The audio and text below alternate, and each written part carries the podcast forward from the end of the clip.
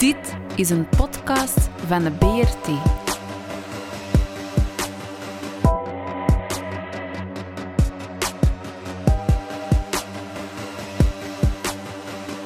De Brabantse radio- en kleurentelevisie.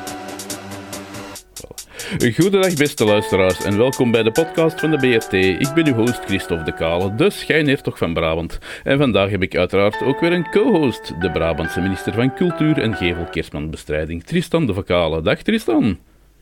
Dag Christophe. Natuurlijk hebben we vandaag ook weer een gast. Onze gast van vandaag, we lezen op haar site dat ze van haar moeder het advies kreeg om niet langer met haar mond open voor zich uit te staren. Haar vrienden vonden dat ze stand-up comedian moest worden.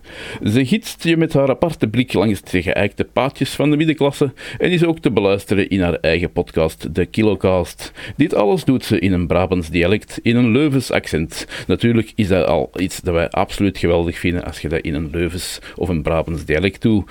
Wij zijn grote fan van die dialecten. Daarom zeggen wij ook volmondig welkom in de podcast van de BRT. Dag Roosje Pert. Hallo, dag iedereen.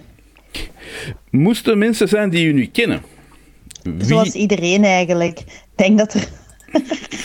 ja, Ja. moesten er zo zijn. Ja. Moesten er zijn? Wie is Roosje Pert? Eh, ja, ik ben gewoon zo'n vrouw. hè. Allee, ik ben gewoon niet speciaal. Nee, ja, nee. eh, ja, wie ben ik eigenlijk? Weet jij, wie, weet jij goed wie dat Gelle zijt? Ik ben de schijnhertog van Brabant. Oké.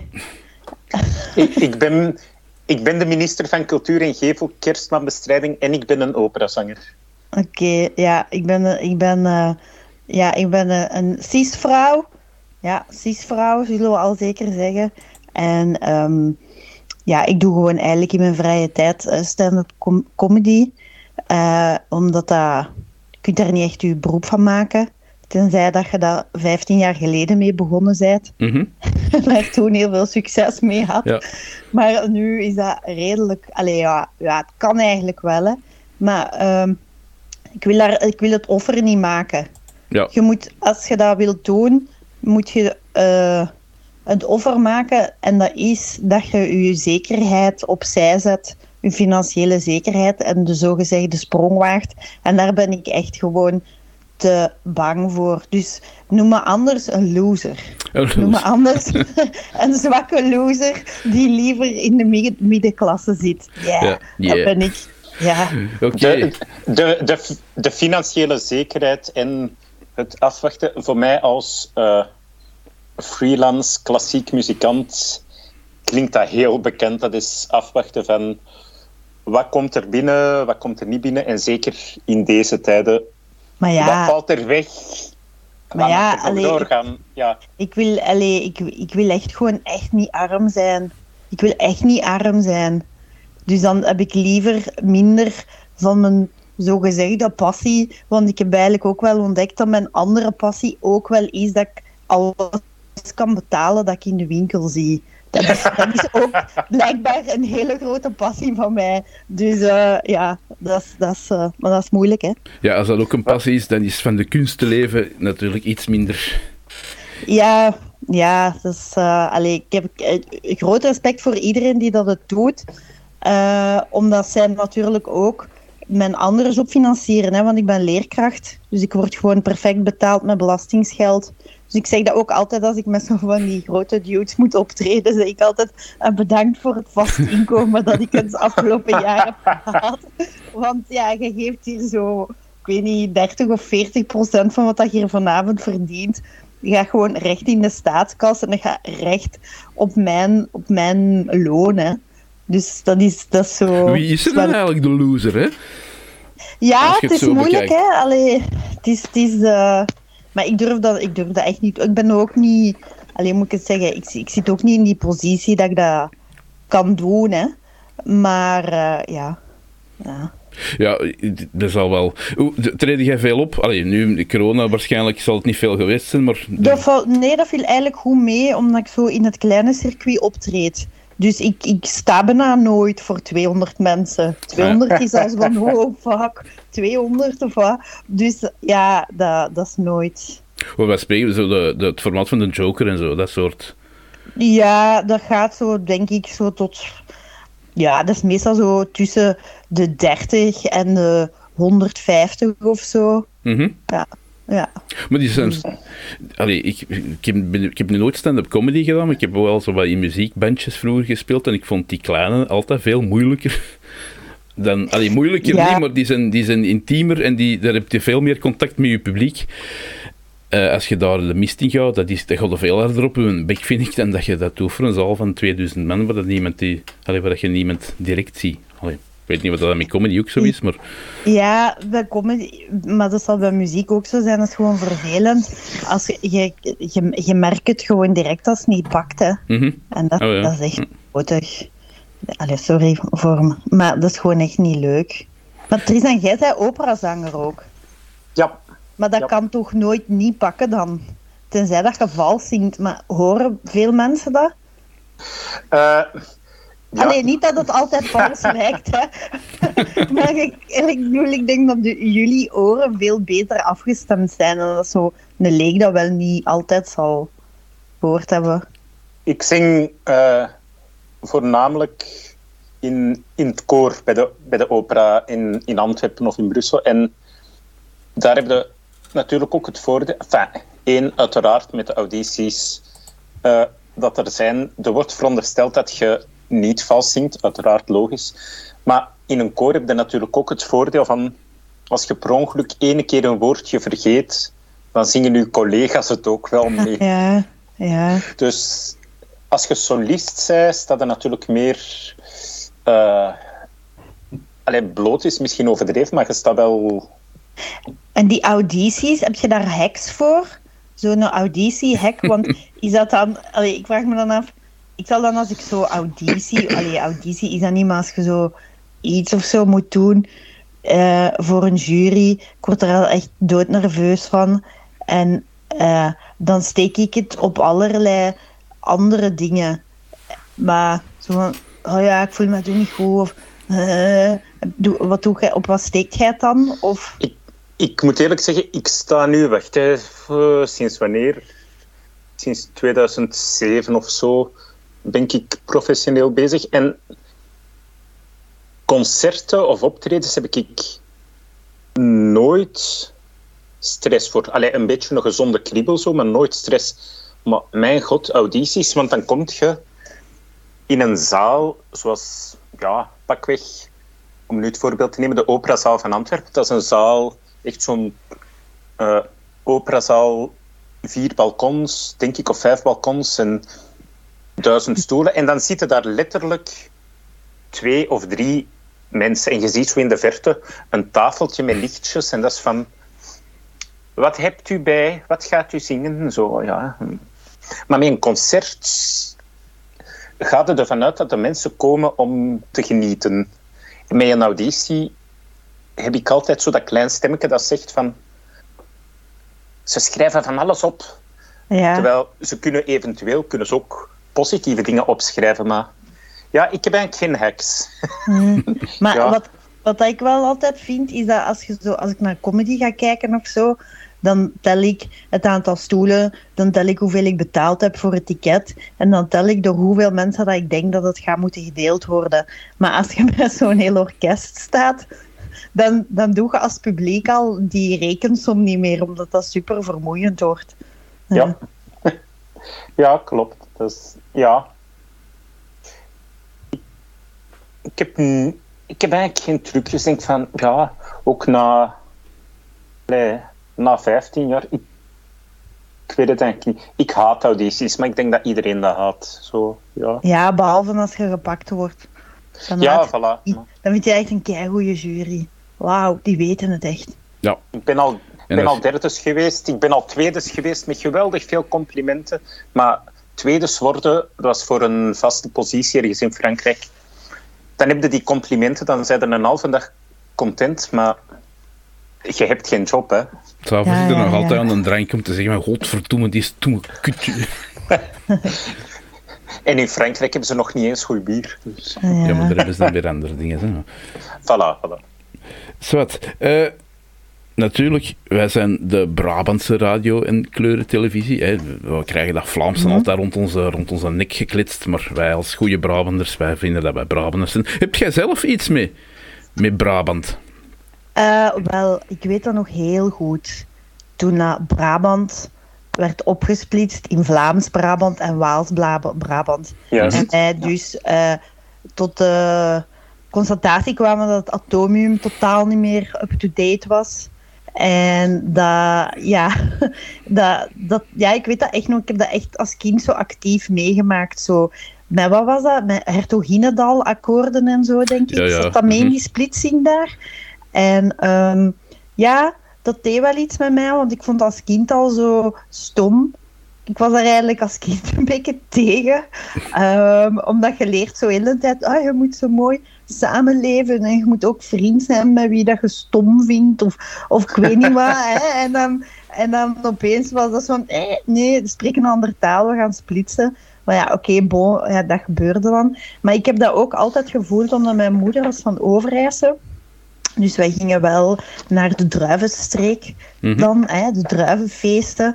En daar voelde je wel heel hard zo de, ja, zo'n beetje de vijandigheid tegen de oprukkende Franstaligen. Alhoewel dat iedereen dan, alleen van Brussel dan, hoewel dat iedereen daar ook wel keigoed Frans sprak. Ja. Dus dat is zo kei stom van, ja, waarom is er zo'n sfeer van, oeh, pas op tegen de Frans, allee, de- er zijn te veel Franstaligen of ik weet niet wat, maar, maar waarom spreek je dan hun taal als je het over iets hebt dat wij niet mogen weten als kinderen?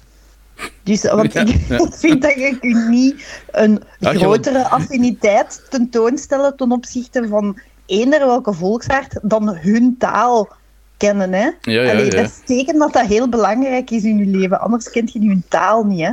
Dus ja. ja. Dat is een, een typische truc van ouders. Klopt. Ik heb dat ook meegemaakt van... Als mijn broer en ik zo gezegd niet mochten volgen, dan was het plots iets in het Frans of zo. Ja. Ja, maar toch Ja. keihard. En veel, man- veel mensen doen dat. Ja, Ja. maar mijn man spreekt helemaal niet zo goed Frans nu. En als ik dan zo iets in Frans wil zeggen, verstaat hij mij niet zo goed. Of de woorden, de woorden Frans dat hij dat kan, zijn de, de woorden die dat de kinderen ook snappen. Of zo. Ja, ik weet niet, ik weet niet hoe oud dat uw kinderen zijn ondertussen. Want bij mij wij deden dat ook altijd thuis in het Frans, dat ze het niet mochten horen. Maar de oudste die, zit nu, die krijgt nu Frans. En af en toe Ja. vergeten dat en dan zeg je toch iets in het Frans. En dan, ja, dan, dan begrijpt ze natuurlijk alles wat je zegt. Dus je moet daar wel beginnen opletten aan een tijd. Dat, Ja. je, dat je niet Ja, blijft Engels kun, je, Engels kun je gewoon niet. Engels gaat niet. En dan, ja, dus doen. Ja, ik schakel soms nog over in het Duits, maar ja, mijn vrouw spreekt dan ook weer geen woord Duits. Dus ja, ja. dan ook weer. Ja. Maar ja, Brabant, ik weet dat niet. Ik, ik vind dat je dat zo. Ik vond dat wel heel raar, bijvoorbeeld dat je. ehm allee, mijn ervaring altijd met. eh, als, er, als je ergens op een plaats komt waar dat er dan Frans wordt gesproken, ook. Dat er zo toch een beetje die vij- vijandigheid leeft, zo gezegd. Of zo van, oh, ze zijn er tegen dat die affiche ook in het Frans is of zo. Maar dan was ik in de, in de kerstvakantie in Ronse Mhm. waar dat in de bank gewoon de affiche in het Nederlands hangt en ook in het Frans. Daar is totaal zo geen eh, vibe. Ja. Terwijl dat, dat zo in Vlaams-Brabant met Be- Brussel alle Vilvoorde en, en Brussel en zo toch een beetje heerst. Terwijl, ja, het is gewoon spijtig. Ja, ja, dat vinden wij inderdaad een zeer spijtige zaak. Dat, eh, dat zo, ze zoveel verloren moeite ook om daarover te, te liggen vitten een hele tijd. hè. 40 jaar ook is er ge, ge- geluld en gezeverd over dat Brussel alle vier horen, of dat splitsen, het is gesplitst en dan was het ineens ja, geen haal dat er niet meer over kraait. Dus dat is allemaal zo bizar. Ja. Ik denk dat 90% van de mensen die dan aan, aan het lullen waren over BHV niet eens wisten waarover het eigenlijk ging. Nee, Zo te zeggen, dat was, ja, maar dat is beetje- wel... Vind je dat niet raar? Allee, ja, Gelle komt van Antwerpen, denk ik, hè? Ja. Dus voor, Ja. is dat, voor is dat nu gewoon, je rijdt de 919 af en je moet naar Halle en dan je pakt je, je pakt dan gewoon de rechterkant van de ring. En je gaat naar Anderlecht en zo. Maar voor mij is dat echt super raar. Als ik van Leuven de, sorry, hè, de E40 pak en ik wil naar Halle, dat ik dan eerst zo door Wallonië rijd. En ik ben dan al zo van, ah ja, het is Brussel, het is Wallonië. En dan opeens is er zo terug Vlaanderen. is voor mij kei weird. Ja, ja, ja. Dat Voor ons is dat ook heel weird, want wij gaan ervan uit dat dat gewoon Brabant is. Hè. Als we van Sertogenbos naar Nijvel rijden, dan gaan we niet door Nederland of door Antwerpen. Nee, we rijden gewoon door Brabant, heel het door stuk. Brabant, ja. Van- ja ik, vind, ik vind dat echt zo... Ik vind dat zo'n zo'n raar gebied. Ik kom daar ook niet zo graag. Oh, ik vind dat een raar... Zo lennik, zellik, ehm gehinnik. Allee, ik vind dat een hele rare... Dat is een rare... Rare hoekje, vind ik zo. ja, dat is allemaal ja, bon. te veel nadruk op ik. Hè. Misschien, Ja. misschien dat dat is. Zal ik Ik moet, er wat, ik, maar ik moet het misschien gewoon nog wat meer herkennen. Allee, maar ik weet er mijn weg ook niet zo goed. En dat lijkt heel hard op Wallonië. Het is een heel ander stuk of zo. Ja, het is leuk hè, maar zo precies vergeten stuk zo. Ja, ja, ja. Dus, ja, ja. En voor de rest nog... Want je spreekt wel op uw, le- op uw, op uw Leuvens, op uw website staat dat je, eh, dat je Leuvens, eh, de, tong, de Leuvense tongval eh, Ja. be- begaat. We hebben er ook trouwens een aflevering over gemaakt eh, op onze podcast over het Leuvens dialect. Of met Ja. het, eh, hoe heet ze nu weer? De naam ontglipt me. Een, een, een organisatie uit Leuven over het Leuvens, eh, die, dat, die dat zich bezighouden met het Leuvens dialect. Ja. Maar heb je buiten daar nog iets met... Ik bedoel, eh, Ja. ja, maar ik ben eigenlijk niet... Ik woon nu in Leuven, hè, maar ik kom eigenlijk van Lubeek. Eh, Ah, ja. Maar mijn ouders zijn migranten. eh, want mijn vader kwam uit West-Vlaanderen en mijn moeder dan uit Overijse. Ja. Noteer ook hoe ik West-Vlaanderen en niet het dorp zeg, maar van Brabant wel overreizen. Maar ja, dat is gewoon verder. Eh, maar dus ja, ik heb niet het Lubeeks dialect leren spreken. Eh, dat kon ik niet. Ik heb niet het dialect van mijn ouders leren spreken en ik heb ook geen Leuvens leren spreken. Dus ik heb gewoon Van alles. ze en hebben mij gewoon zogezegd AN geleerd. En als, ze dan, als ik hen dan, als mijn ouders bij hun eigen familie hoorde spreken in hun eigen dialect, dan vroeg ik me echt af, wie zijn die mensen? Allee. Jullie, jullie ouders spraken waarschijnlijk gewoon hun dialect tegen jullie? Of hadden die ook zo... Nee, die, spra- die waren gewoon zichzelf. Een, een vorm van. eh, ja. Mijn, mijn vader is van Braschaat en mijn moeder meer van Antwerpen-Kiel. Dus daar zat ook al wel een beetje verschil op. En dan in Merksem wonen, ja. Maar die deden geen extra moeite om. Allee, want mijn ouders spraken echt. Die spraken totaal anders met hun eigen ouders dan met ons. En ook Ah, tegen ja. elkaar spraken die niet in, in elkaars eigen dialect. Dus dat was. Ja, dat is eigenlijk echt raar, hè? Ja. Moeder, waar heb je de sleutels gelegd? Of Ja, we zo. hadden, we hadden echt wel zo'n zo'n ding, ja. Ik weet niet. Ja, we zijn echt zo'n gezin waarin dat de dialecten echt zo... dat ze bewust gekozen hebben om dat niet te doen. Vanuit een soort... Hier spreekt men Nederlands. eh, Joost Florquin invloed of zo, om ons misschien betere kansen te geven of zo. Ik weet het niet. maar ja. Ja, wie Ja. weet. Ja. En je maakt eh, zelf ook een podcast, hè? Ja, De, de Kilocast. yes. En wat, wat is het? Ik heb, ik heb nog maar een halve aflevering kunnen luisteren, dus ik heb nog Ah niet... ja, ik praat eigenlijk gewoon met mensen over wat dat ze eten en wat dat ze lekker vinden en of dat ze problemen hebben met hun gewicht en Ah, hoe hard hun gewicht fluctueert en waaraan dat dan ligt en eh, ja, zo eigenlijk een beetje. Vooral eigenlijk over wat dat lekker is. Dus eigenlijk meestal gewoon echt zo tien minuten doorbomen over soorten vlees of soorten chips of ah ja, alhoewel niet tien minuten, maar ja, het is echt Ja. gewoon zo, ja. Eigenlijk, Daar kan je afleveringen mee vullen, denk ik. Maar, ja. Ja. zeker, zeker. Maar ik vind het wel heel moeilijk. Vinden jullie dat niet moeilijk om eh, podcastgasten vast te krijgen? eh, vooral eh, vrouwelijke podcastgasten vind ik ja, het moeilijk ik om vind dat te... heel moeilijk. Mannen zeggen Ja. veel sneller ja dan vrouwen. Ik weet niet waarom dat, dat is, maar... Ja, en het is ook heel moeilijk om vrouwen over hun gewicht te laten praten. Soms. Ja, ja, wij praten niet zo maar- dikwijls over het gewicht, dus dat, dat, is, wel, een factor dat minder meespeelt. Maar, natuurlijk, als je over, over eten is dat, is dat natuurlijk een, ja, een, een extra factor dat het misschien wat moeilijker maakt. Ja. En gaat het dan alleen over eten of wijkt je dan soms nog wat af van de, van, van de geëikte paden en komt daar alle andere actualiteit of Maar zo eigenlijk heb je gemerkt dat als je praat, als je praat over eten, komt er eigenlijk wel heel veel boven van iemand zijn persoonlijkheid of zijn, zijn levenskeuzes of zo. Of, je geeft eigenlijk wel een beetje een inkijk allee, ja, ja, in hoe iemand is. Ja. Ja. Dus bijvoorbeeld gewoon al als iemand drie keer per dag eet, als iemand ontbijt, dan weet je al eigenlijk al een beetje hoe dat de vork in de steel zit. Hè. ja, en als iemand, en als je iemand dit in die ontbijt.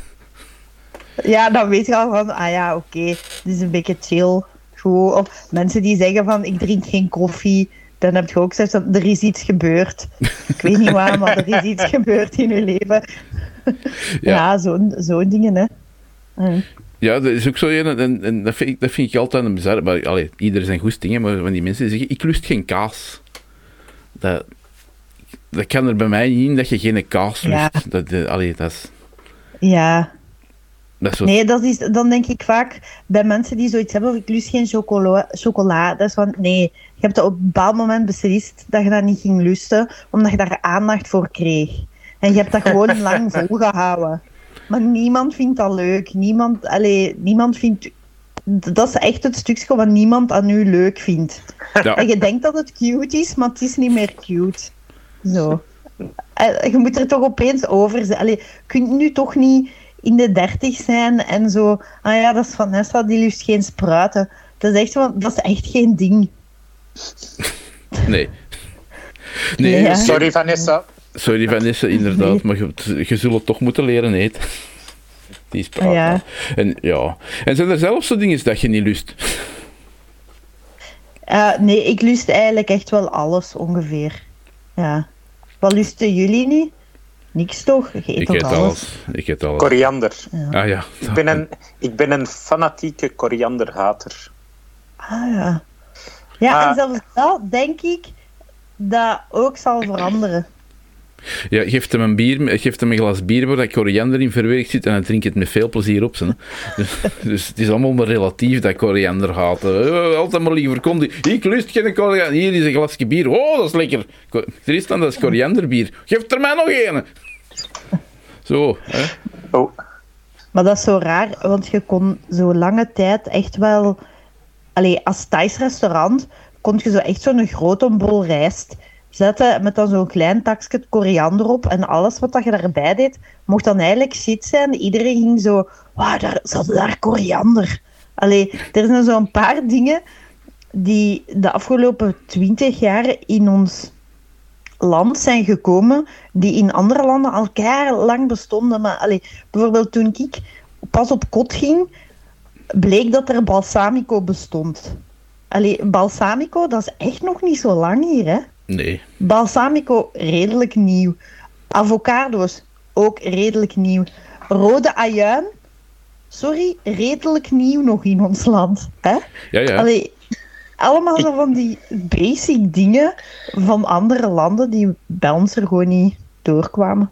ik eet graag avocados, maar mijn god, voor ze goed te vinden. Van, dat is het eeuwige Ja. probleem van, je koopt ze dan, dan zijn ze nog een beetje te hard. Dan denk je van, ik wacht nog even.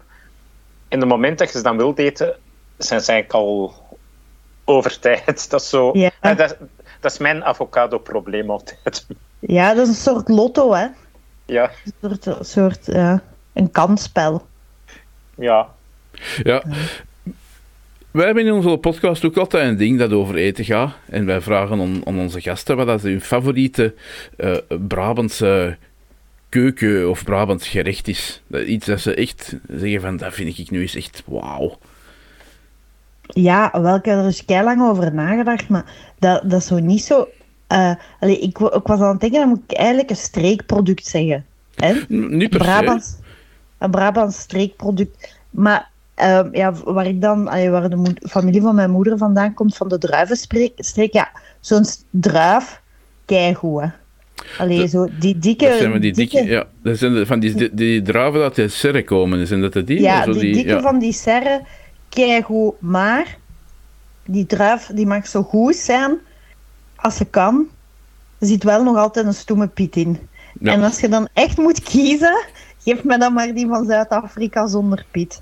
Dat is kei erg, hè? Allee, Ja, die zijn toch ook redelijk duur, niet? Die... welke? Die van Overijssel. van Overijssel. Ja, ja. Ja, ja, ja, ik weet dat nog, want dan op die, op die feesten, op die stoeten, trouwens ook een stoet altijd neigen. Allee, vind je dat niet? Als je een, een goede stoet, ik ben echt al super droevig, want dus er is al twee jaar geen druivenstoet geweest door Ja. corona. En dan de laatste keer in 2019 had ik dus kunnen gaan en toen ben ik ziek geworden die dag. Ah, En dan heb ik niet naar die stoet, dus ik heb al drie jaar geen druivenstoet gedaan. En ik vind dat echt zalig. En want dat wordt dan afgesloten met de druivenkoningin. En dan hangen daar zo keiveel van die dikke bolle druiven naast. Dat je zo echt kunt zien van aanschouwd, wat een Brabants genaarden. ja, ja. Schoon gezegd, schoon gezegd.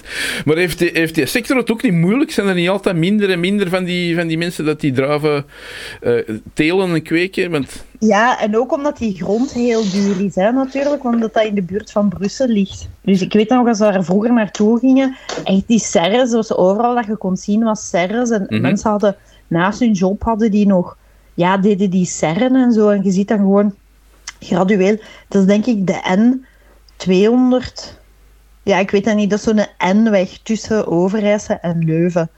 En gewoon doorheen de jaren heb ik gewoon gezien dat er minder en minder serres achter de huizen zijn. Want zelfs mijn tante die had ook serres daarachter.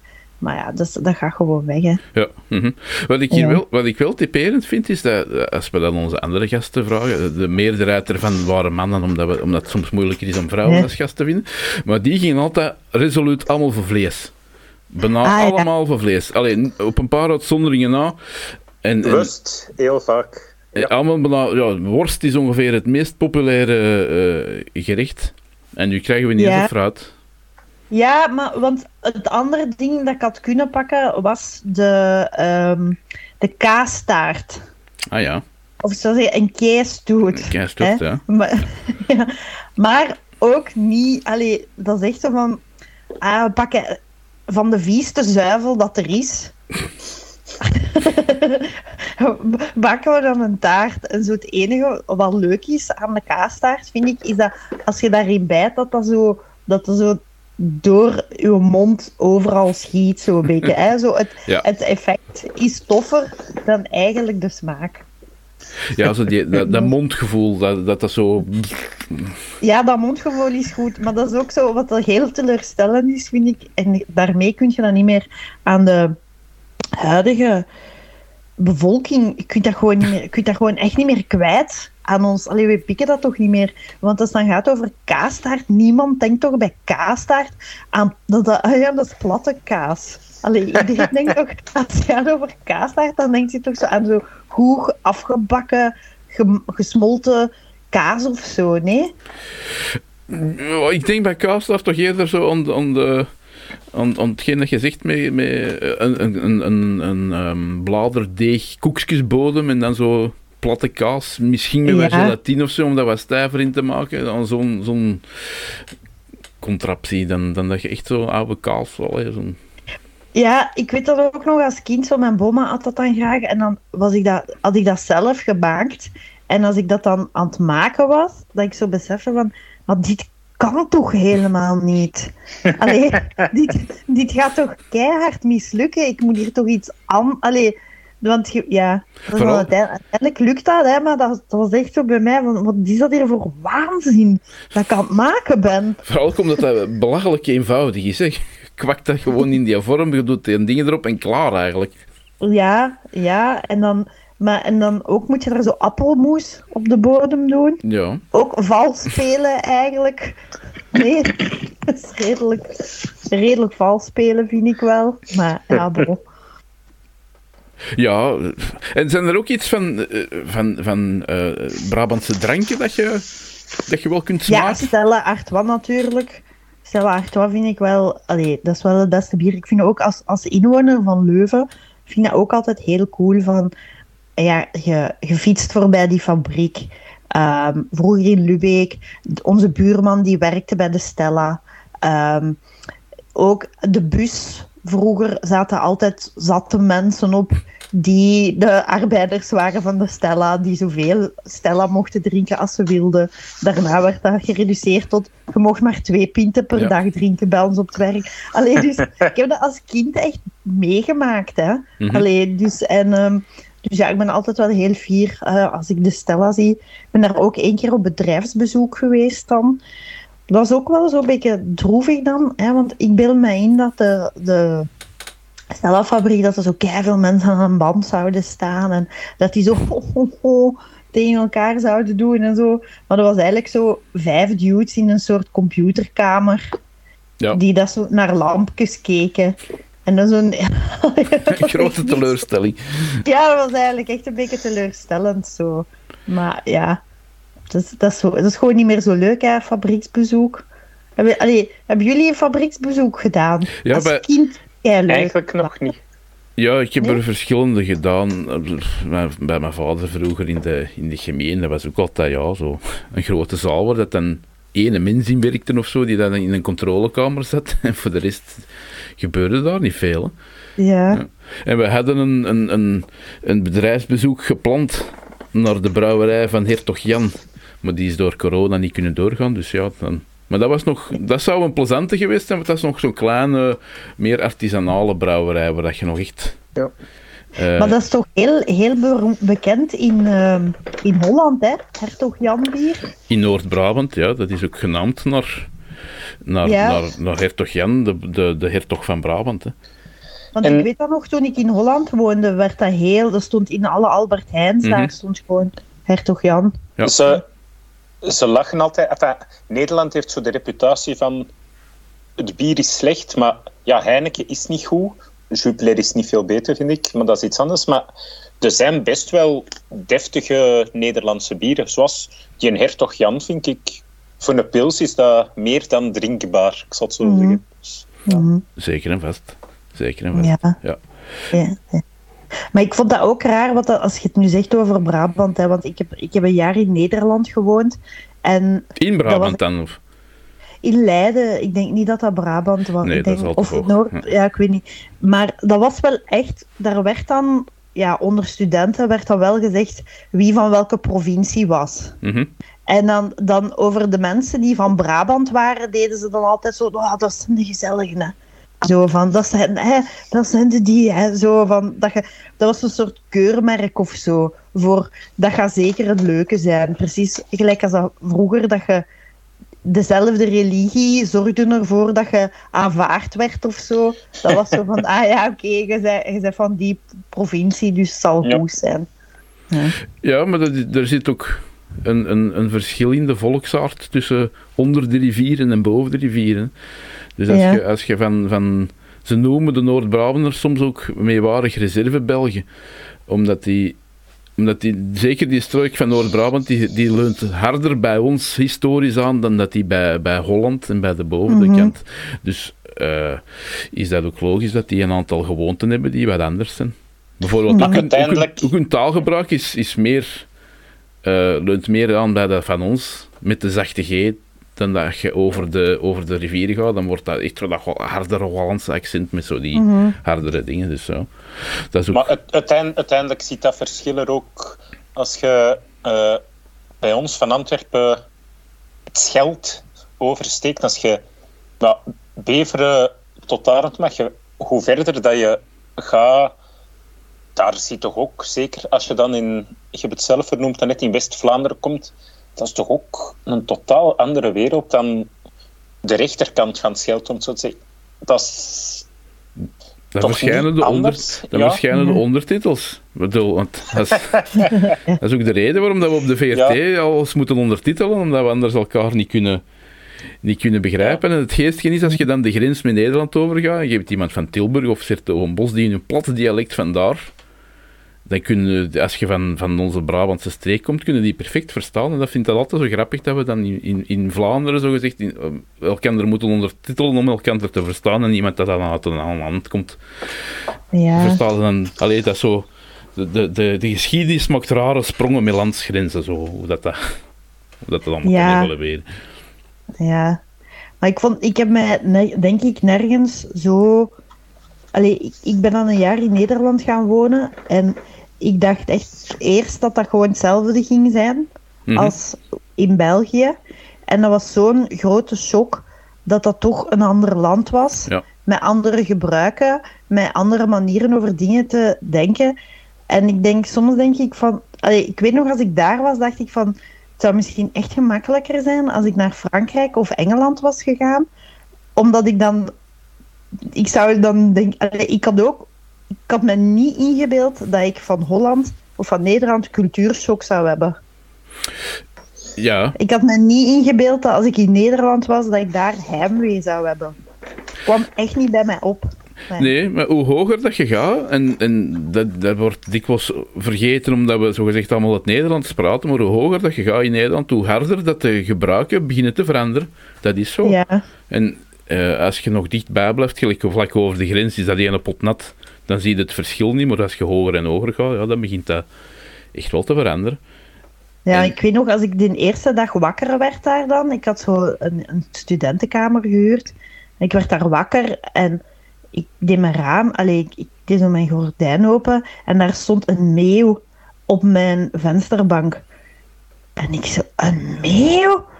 Wow, die is keiver gevlogen. Maar dan, ja, dan heb ik zo een maand later op een kaart gekeken en ik zat zo op 15 kilometer van de zee. Hè, of 10 kilometer, dus dat was keiloos. Maar snap je, ik dacht, je zet dan zo jong en ik dacht, ja, ik ga in Holland wonen. Ene keer vaagweg gezien dat dat wel in de buurt was van Amsterdam. Ja. Maar je denkt dan niet aan van, het ligt eigenlijk echt kei dicht bij de zee waar ik ga wonen. Allee, allemaal zo...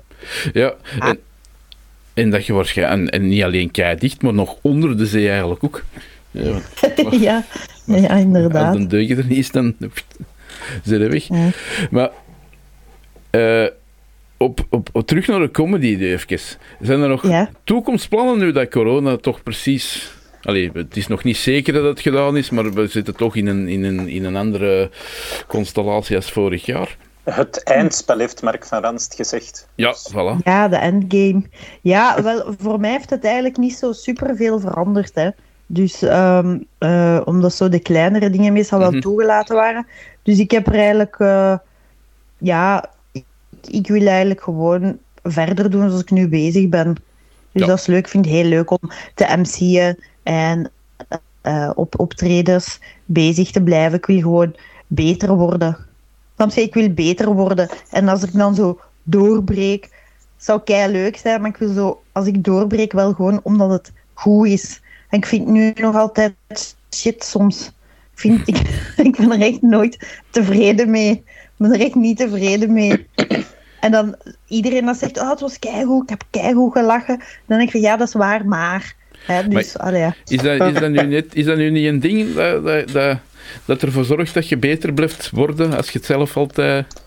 ja, ik hoop het echt, maar ja, ik wil gewoon, ja, dus ik denk dan, ik vind het gewoon heel leuk om te doen. Hè, en dus, ja, ik wil gewoon zo blijven verder doen. En ik weet niet, uiteindelijk ben ik ook al, ben 38, hè.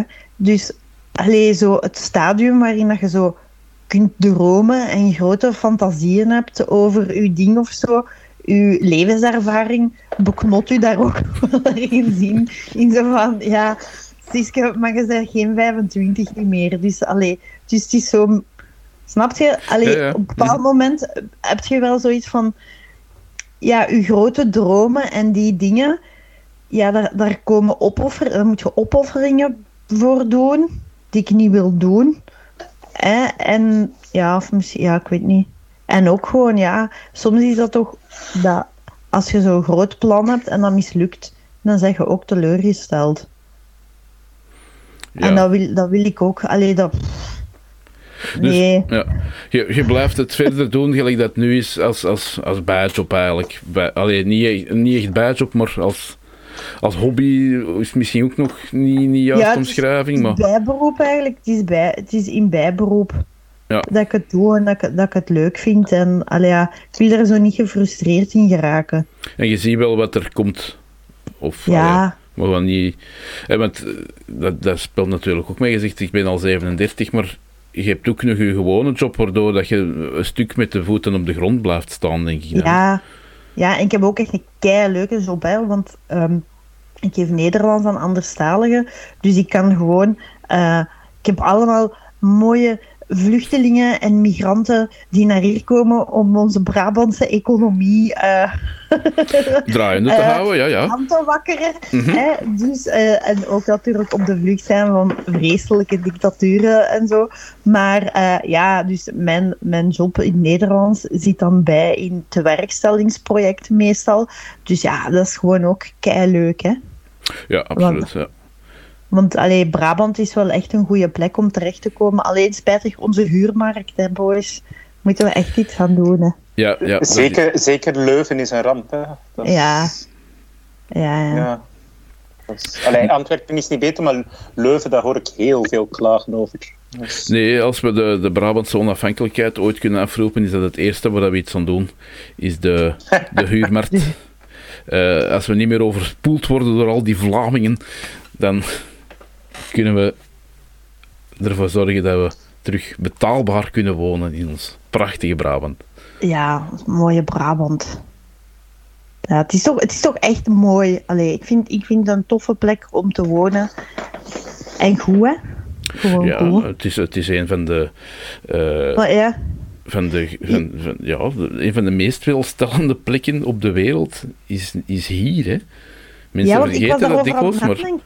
Ja, want iedereen, ze komen wel naar hier, hè. De mensen komen wel naar hier. En waarom? Ja, omdat hier wel anders wel goed is. En wij zitten zo keihard te klagen. En ik vind dat goed, want door te klagen kun je veel veranderen en blijft je bezig en wordt het beter. Dus dat is keigoed. Maar ik vroeg me zo af, allee, bijvoorbeeld nu, op dit moment, is het al eh, moeilijker om opleidingen eh, vol te krijgen, omdat er gewoon zoveel werk is. En Mhm. er zijn dus minder mensen die terug naar, eh, minder volwassenen die terug naar de schoolbanken komen. Dus keigoed nieuws. Hè, maar stel, hè, onze woningnood is oké, onze economie gaat goed, onze defensie is goed. Wat is eigenlijk dan verder ons plan? Dat, dat vroeg ik me af. ja, Allee, Mhm. wat, wat, is, wat is ons... Wat, allee, je hebt zo als regering of als, als staatsstructuur, ja, wat is ons plan? Het is niet dat we zo gaan zeggen, oh ja, bij ons is nou alles in orde nu. Allee, we hebben niet het idee om Frankrijk te gaan veroveren of zo. Hè? nee, nee. Maar we hebben zo, we hebben zo als land hebben wij geen, we hebben geen, we hebben, we hebben zo geen missie niet meer. Hè? Allee, onze missie Nee, is gewoon iedereen tevreden houden. Ja. Hè, Ja, nee. dan- Wij, wij, hebben daar een, wij, hebben dan, wij hebben wel een missie. Wij, wij hebben daar een, een zicht op. Wij, wij zijn van mening. En gelijk dat je zegt, eh, migratie. Maar migratie wordt nu gedaan alsof dat, dat iets van nu en uitzonderlijk is in de culturele maatschappij, dat dat niet werkt. Maar sorry, dat is al dat is eeuwen oud. Zeker Ja. hier bij ons in, in, in onze Brabantse regio.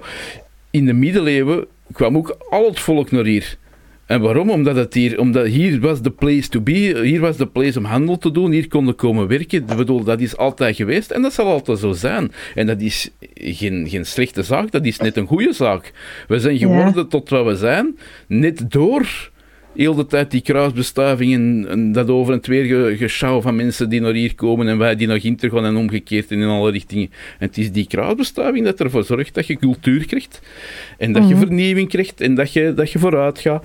En als je terugplooit op je eigen, op wat moet je dan terugplooien op ons eigen? Alles wat we hebben is van overal bijeen gesprokkeld. Ja, We zijn geworden wat we zijn doordat we overal van alles, dat ze van Portugal, Italië, Turkije, van het oosten, vanuit de nieuwe wereld toen, allemaal door ons kwamen. Dat is zo.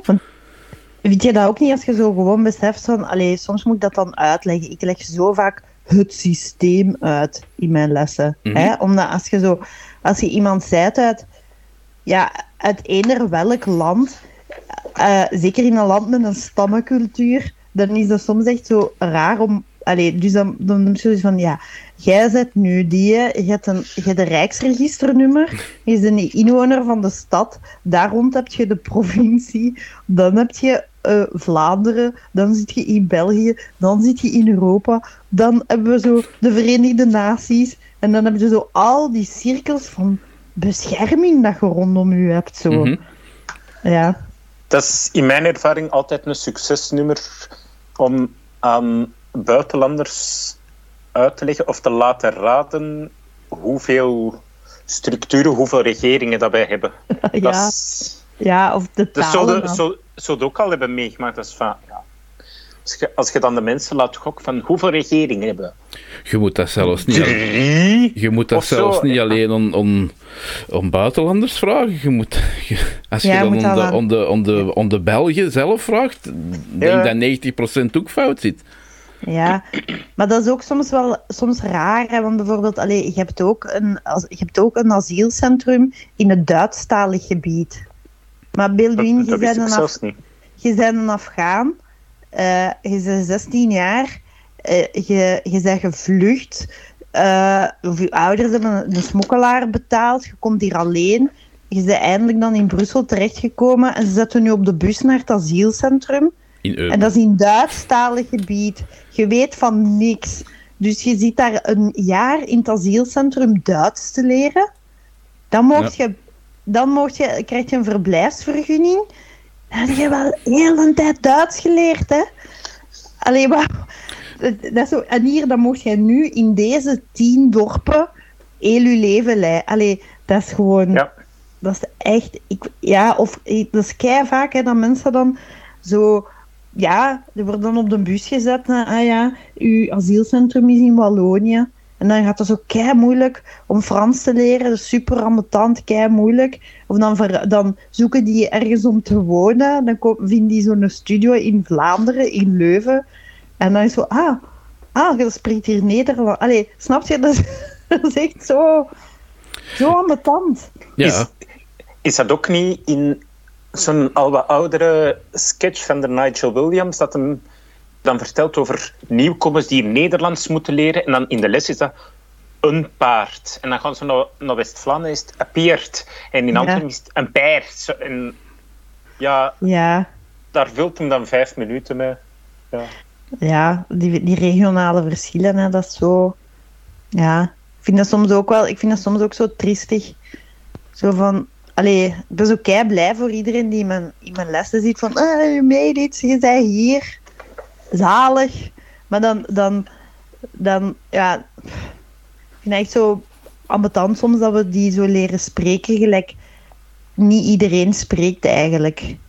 ja, dat is dan dikwijls ook een probleem. Want die krijgen dan een vorm van Nederlands aangeleerd dat niemand spreekt. Ja, dat is moeilijk. Hè? Dus ik leg dan wel zo, eh, zo on the side leg ik wel zo de ge en de gij uit en ik weet niet wat. Maar dat is ook, ik zou dat wel ook enorm frustrerend vinden als dat er was. Maar ja, je moet dat ook wel een beetje kunnen, hè, want allee, ja. Ja, ja. En die, die studenten of leerlingen, of hoe moet ik ze noemen, Mhm. eh, is dat dan voor gewoon een heel schooljaar of is dat voor een paar maanden? Dat, ja, je hebt eigenlijk de taal, dus dat is wel het goede van Europa. Je hebt zo het ERK, het Europees referentiekader van talen. En dus ze hebben eigenlijk allerlei niveaus gemaakt. Eh, zo, je hebt zo, gaande van 1.1 tot, ja, tot 4.2. Hè? En dus dan heb je zo eh, survival, allee, allee, way, breakthrough, wastage. Allee, zo, dus zo die niveaus heb je. Dus je kunt in eender welke taal dat je leert Italiaans of Spaans of zo, is de cursus dan eerste niveau is breakthrough, tweede niveau is wastage. Dus dat je eigenlijk met je certificaat overal in Europa kunt tonen Ja. wat je taal waard is. Mhm, Ja. Dus ja. Maar ik had bij mij wel nooit gerealiseerd dat een andere taal leren zo moeilijk kon zijn. En ook hoe lelijk onze taal is. Sorry, maar we hebben echt kei lelijke taal. ik vind het echt super lelijke taal. Ik had daar nooit over nagedacht. Maar het is echt een lelijke taal. En waarom is, wat, is er, wat is er zo lelijk aan? dan? Ja, zo die, al die ei-klanken. En, en, en ja. Ja, ik is- vind het echt lelijk. ja, ja het, is, het is niet de mooiste taal van de wereld. Dat is En een moeilijke taal. en een moeilijke Ja. taal, ja. Ik hoor dat vaak van eh, buitenlandse collega's. ja, afschuwelijk moeilijke taal. En ik vind dan ook soms zo, ik vind het zo mo- moedig als iemand eh, zo'n een verblijfsvergunning heeft zo'n oranje kaart, dat is altijd maar per drie maanden dan of zo. Of soms per maand. Oh, dan denk ik altijd, wauw, dat is echt zalig dat je die moeite doet. Omdat je altijd maar gewoon per maand weet of dat je kunt blijven. Ja. Om dan onze lelijke taal te leren. Zo van, wauw, dan wil je die gewoon bedanken en zo drie stempels bijzetten. Zo van, ja, goed bezig, maar... Maar allee, dat is echt... Ja, Ja. En als hem ze dan op een of andere manier toch een beetje kan, kan spreken, dan als hem dan ergens komt, dan spreken ze hem allemaal in het Engels of in het Frans aan. Ja, als dat er is. Ja. Als, als ze dat kunnen, want dat is ook echt zo... Dat is, dat is wel het gemakkelijke, hè. Als je zo een, een intermediaire taal hebt, dan gaat het keigoed, maar anders is dat echt wel... Is echt wel moeilijk en eenzaam. Eh, Ja, maar ik wil zeggen, we, ze- we- we- eh, als ze naar, naar het Nederlandstalige stuk van ons land komen, dan, dan moeten ze Nederlands leren, hè, want we spreken allemaal Nederlands. Maar Ja. vanaf dat, dat iemand dan eh, alleen gewone en, en de, de, de gewone burger, zal ik maar zeggen, hoort dat hem dat hij niet zo goed Nederlands kan, omdat hem nog maar net hier is, dan wordt er automatisch omgeschakeld Ja, naar een andere ja. taal, waardoor dat het nog moeilijker wordt om het, zeker. om het Ja. nog te leren. Want, Ja, want dat is dan vaak zo dingen. Oh ja, wij zijn, zo, wij zijn toch zo goed in onze talen. Hè? Wij, de Brabanders. Wij, oh ja, maar nee, wij zijn gewoon keidikke egoïsten en we willen keihard gesten. En tuurlijk, en wat dat wij ook niet kunnen, is naar iemand anders zijn gebrekkig Nederlands luisteren. Hè, want het is zo precies alsof wij faciliteren dat iemand anders zijn eigen taal kan spreken. Nee, zijn- wij luisteren niet graag naar iemand anders die onze lelijke taal nog lelijker nog lelijker spreekt. Nee, maar dat is toch... Niemand heeft daar... Allee, want bijvoorbeeld, ik, ik was Italiaans aan het leren, komt in Italië. Je zegt daar iets in de winkel, het is fout. Die kassier gaat u verbeteren. Mhm. En wij hebben dan zoiets van, och jong, kom, eh, kan ik nog een keer mijn Engels oefenen? Ja, oké, hier gaan we. Hè, dat is toch? Ja, ja. Niemand verbetert mensen. Nee. Nee, dat zit er bij ons totaal niet in. Dus ja, dus, dus we zijn op dat gebied totaal niet gastvrij. Maar echt totaal, totaal niet. En eerder egoïstisch. Ja, dat is eh, absoluut een zeer eh, juiste of een zeer eh, goede analyse. Eh, Mhm. En bij deze zou ik dan ook onze dingen afsluiten met die prachtige analyse van dat wij absolute ongostvrij Dikke egoïstisch dikke zijn. egoïsten zijn, die, ons, die niet willen dat onze lelijke taal nog lelijker gesproken wordt. Voilà. De luisteraars kunnen ons vinden op onze website, oh, dat is de www.brt.be, maar het is wel b-r-t.be, want als je gewoon BRT intikt, dan kom je bij bazen, radiatoren en nog iets anders terecht. En dat zijn wij niet. Eh, je kunt ons ook beluisteren op Anchor, op Spotify, op Google Podcast, op Breaker, op Procast, op... Dat is denk ik. Wauw. Voilà. Bedankt allemaal en tot de volgende keer. Dag. Dag. Dit is een podcast van de BRT.